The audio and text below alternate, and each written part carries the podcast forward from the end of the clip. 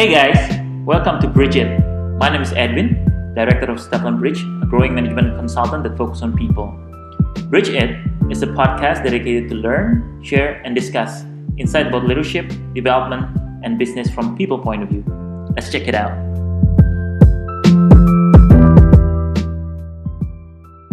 In this episode, we're going to talk about strategies for better group decision making. Halo, selamat datang lagi Bridgers di podcast kita kali ini. Aku Vita dan hari ini aku akan ditemani nih sama teman-temanku yang tentunya asik banget. Boleh dong perkenalan dulu ya. Boleh. Oke, Oke. eh, gue ada Ebin di sini. Hai Bridgers, Hai, gimana nih? luar biasa, hari yang luar biasa. Ya, Mantap. benar banget. Ya, dan ada teman aku nih. Hai Bridgers, Feby di sini. Nice to see you again. Oke. Yeay. Jadi nih hari ini kita akan membahas topik yang sangat menarik nih dan tentunya insightful banget buat semua yang dengerin podcast kita kali ini. Nah, sebenarnya kita tuh hari ini bakal ngebahas 7 strategi untuk better group decision making.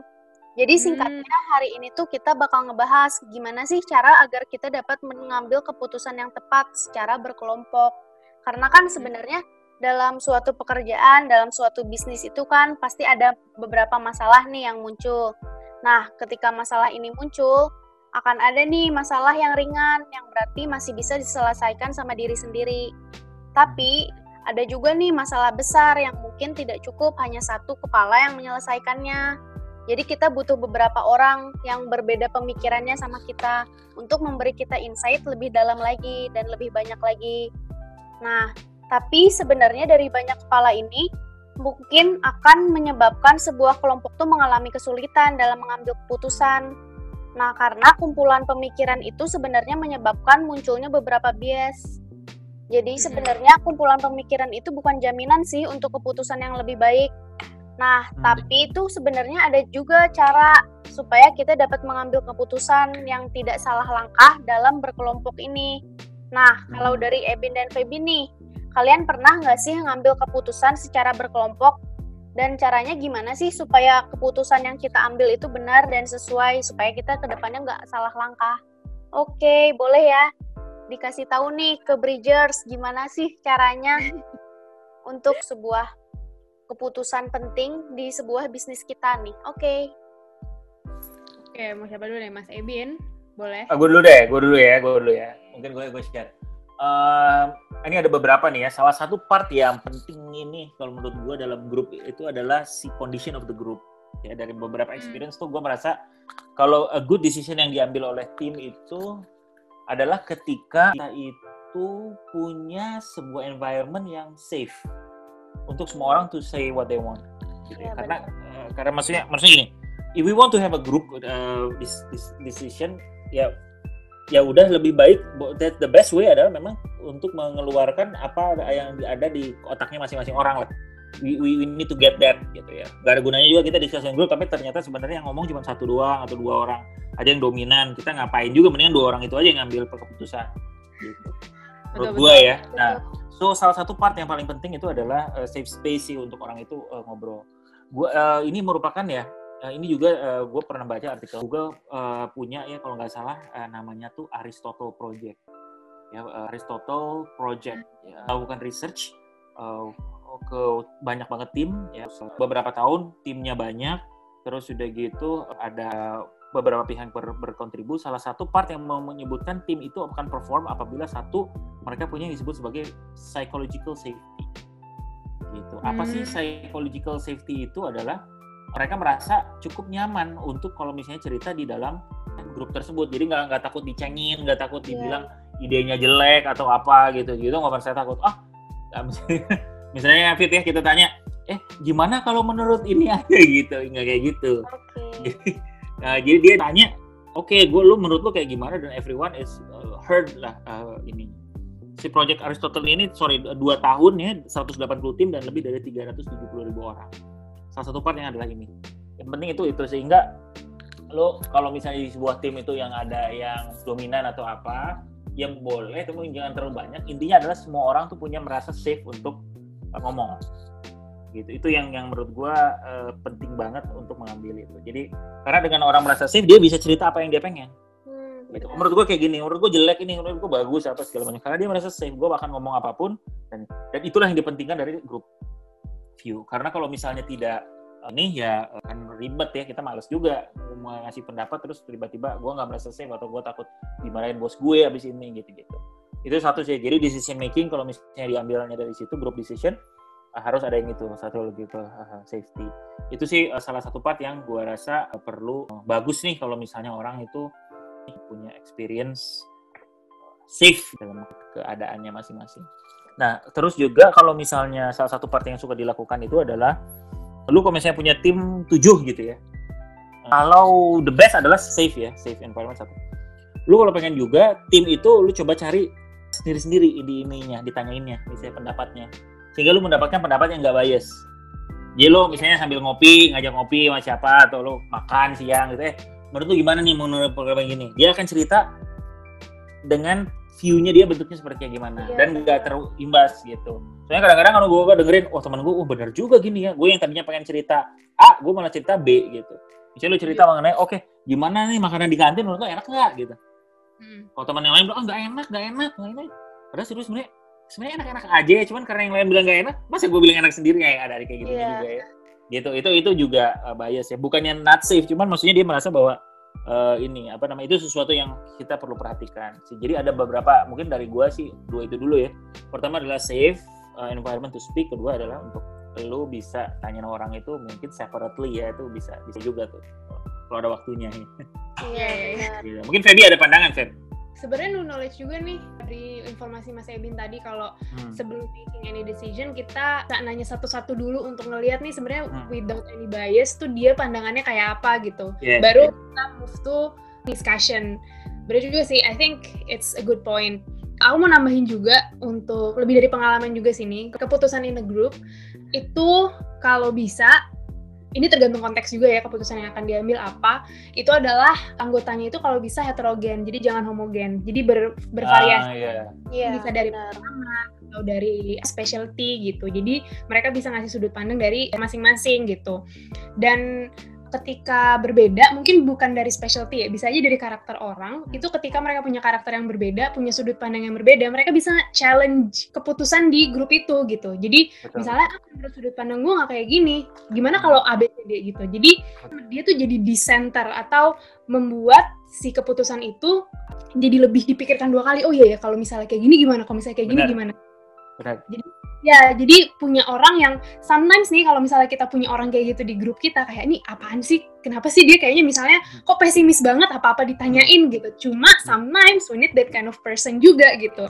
Konsiderasi dan juga sudut pandang lain dan ini terjadi sama gue dulu zaman kuliah lah biasa ya. Hmm. Ada ikut satu organisasi dan kita banyak mengambil keputusan bareng dan terutama tuh dan challenge-nya lagi adalah kita satu tim tuh banyak orangnya lebih dari tujuh. Sementara kan decision making tuh sometimes semakin dikit orang yang dilibatkan semakin baik ya. Cuma ini timnya banyak jadi mau gimana lagi gitu. Nah di situ kita benar-benar berkontribusi untuk masing-masing orang punya pendapat dan itu dikonsiderasi kayak gitu. Jadi misalnya kita collect dulu masing-masing view-nya apa terus nanti dari view tersebut kita kayak semacam ambil suara gitu. Oke the option mana nih dari sini yang mau kita terusin ke diskusi selanjutnya kayak gitu. Jadi ada semacam dua layer keputusan gitu. Jadi Iya. kita ngeliat dulu opsinya kemudian pas opsinya udah kecil baru habis itu kita dari kita akan diskusi between those options kayak gitu. Dan itu actually pertama kali gue diskusi dan bener-bener apa ya mungkin buat gue yang semacam people pleaser sometimes kan kita trying to speak kayak really Yeah. carefully and stuff ya. But then di sini ada temen gue yang dia berani untuk speak up nggak kayak gitu gitu. Jadi it it's a challenge for me. Mungkin itu buat psychological safety itu buat jadi kayak agak eh gitu. Tapi di satu sisi I get the point gitu. Oh oke dia ini yang harus maksud dia kayak gitu. Jadi that's why buat gue pengalaman berdiskusi dengan orang-orang yang berbeda-beda itu jadi sangat apa ya terinternalisasi atau gue inget terus gitu karena it makes the discussion itself live dan juga decision yang diambil itu berdasarkan jadi ada banyak filternya gitu. Hmm, betul. Gitu Gue pengen share sedikit kali ya, maksudnya gue pengen pengen men- apa namanya piggybacking dari Boleh, dari bilang. Oke. Gue sangat setuju banget Feb ketika lu bilang eh, orang ada yang nanya-nanya gimana dulu gitu. Kadang-kadang suka eh, nggak semua orang comfortable lah ya. Maksudnya kadang-kadang males juga kan, ini orang kenapa sih tanya mulu apa gitu kan? Iya, kan we're a benar. team gitu, you know, like Iya, iya. nanya-nanyain gini mulu sih gitu ya. Tapi justru bener banget sih ya, beberapa ini tuh jadi membuat kita jadi lebih aware, oh iya kalau kayak gini gimana? Lebih Karena terbuka lagi ya beda-beda, siapa- pikirannya. Heeh. Betul, Benar. betul. Jadi kalau kita bikin project misalnya atau bikin produk gitu ya, ketika dia nanya gitu kan, ya pasti adalah orang juga yang pemikirannya sama sama, sama teman kita itu, right? And we Iya, con- if we consider that, kemungkinan juga uh, ada itu jadi take it in consideration, kita bisa bikin produk yang lebih tajam, even sebelum itu atau project yang lebih bagus sebelum Evo itu keluar atau di launch, right? Oh. Sehingga kita udah beneran keren duluan gitu kan. Iya iya. Setuju setuju. Atau kalau memang di grup di grup kita atau di kelompok kita itu ada anggotanya tuh memang cenderung homogen atau misalnya nih kayak kita semua nih punya pola pikir yang sama nih gitu pasti Yes, di sisi itu udah jelas gitu. Mungkin Yeah. kita bisa propose eh, apa namanya consciously bukan consciously eh, apa secara sengaja lah memilih satu orang yang tugasnya untuk challenging ideas kita. Gitu. Ah. Eh, jadi misalnya Devil advocate, de- devil's advocate. ya. Ah, devil's advocate benar. Jadi dia dia ceritanya bukan bukan mematahkan semua ini enggak, cuma dia diminta untuk questioning misalnya what are the possibilities yang bisa bisa terjadi kalau misalnya kita ambil keputusan ini kayak gitu. Terus ya pokoknya keep challenging the decision gitu aja Hmm. sih. Itu that's that can be a good idea. Cuma kalau misalnya orangnya banyak ya jangan satu orang doang. Nanti dia malah di apa sih lu Iya gitu. Iya, benar. kan gitu. Iya. Jadi kalau BKP juga challenge idenya gitu. Oke, aku mau nambahin aja sih sebenarnya tadi setuju banget sama Feby dan Ebin. Jadi kita tuh mending collect opini dari orang yang berbeda karakter, dari orang-orang heterogen, kemudian kita bisa diskusi kelompok nih. Nah, setelah Hmm. diskusi kelompok, kita ke- kemudian voting mana sih decision yang paling tepat untuk kita pilih nih secara berkelompok. Nah, kemudian mungkin setelah kita milih decision itu, kita juga harus berbagi tanggung jawab yang bersama-sama nih. Jadi setelah Hmm. ngambil keputusan diambil secara kelompok tuh, mungkin setiap individu harus bertanggung jawab atas konsekuensinya gitu. Jadi semua Hmm. orang merasa tanggung jawabnya tuh sama besarnya gitu, nggak ada yang kayak oh si A ini kayak kurang berkontribusi, jadinya dia Iya, nggak iya, terlalu iya. bertanggung jawab.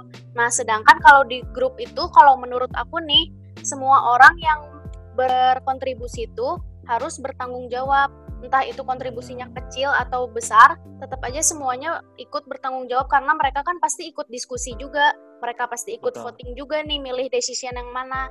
Nah, itu tuh bakal ngejadiin distribusi kekuasaannya seimbang antara satu sama lain dan pertukaran ide mereka juga yang bakal lebih terbuka karena mereka bakal merasa lebih nyaman karena si tanggung jawab ini ditanggung jawabkan oleh semua pihak jadinya mereka nggak akan Hmm. merasa dirugikan juga gitu sih menurut aku Yes. Tuh. Nice. Betul betul betul. Ya. Betul betul betul itu bisa juga betul tuh. oke Hmm. kira-kira ada nggak sih cara-cara strategi lagi yang lain dari kalian berdua nih Hmm, oh ada satu. Ini satu pernah dengar cerita juga dari temen. Sebenarnya lupa exactly seperti apa. Cuma dia ini berdiskusi dengan expert gitu. Nah tapi grupnya ini blindly following what the expert said.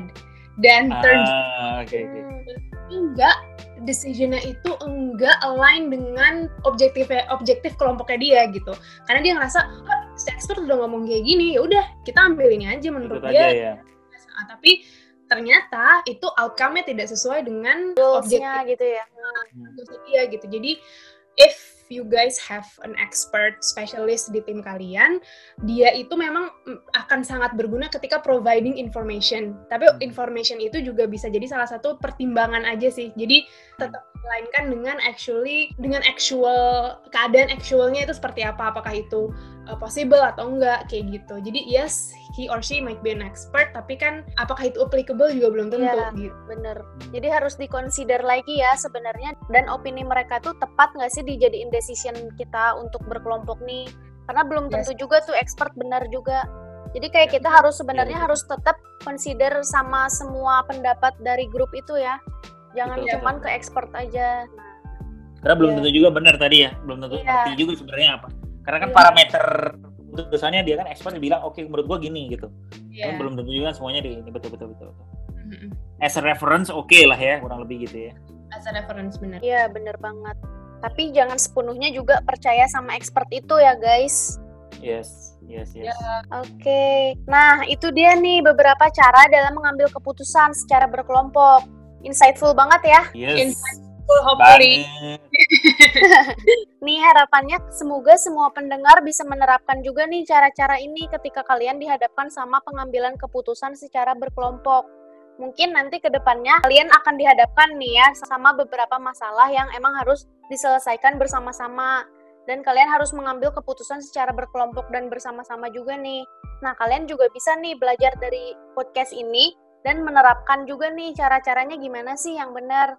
Oke, bener banget ya Nice. guys, strateginya tuh tepat banget menurut aku sih. Oke, thank you banget untuk Ebin dan Feby udah nemenin aku hari ini untuk diskusi. Yeay, Sama-sama. Thank you, David. Ya. seru banget Yeah. dong tentunya. Ya, mungkin listener yang dengar Bridge It juga bisa share di Iya, LinkedIn platform Stefan Bridge yang lain kalau misalnya mereka punya pengalaman yang menarik yang bisa di share siapa tahu bisa kita Betul. bahas Iya, benar Benar, benar, benar, benar, benar. Eh, satu lagi nih, Feb. Eh, kita kan ada Instagram ya. Vita mungkin boleh cerita ya. Kita udah ada oke. Instagram juga ya sekarang ya, Vita. Oke, listeners, kita tuh sekarang lagi ngedevelop Instagram kita nih. Nah, Instagram kita kalian bisa follow ya. Atau kalian bisa cek-cek nih info tentang Cleveland Bridge dan info tentang HR juga nih. Nah, kalian Alright, bisa nice. follow accountnya at Cleveland Bridge. Nice. Si accountnya akan aku tulis di caption podcast ini ya guys. Nice. Kalian Baik. bakal insightful banget nih ke depannya account Instagram kita ini. Nice. Oke. Great. Oke. See you, Bridgers. See you, Thank you so.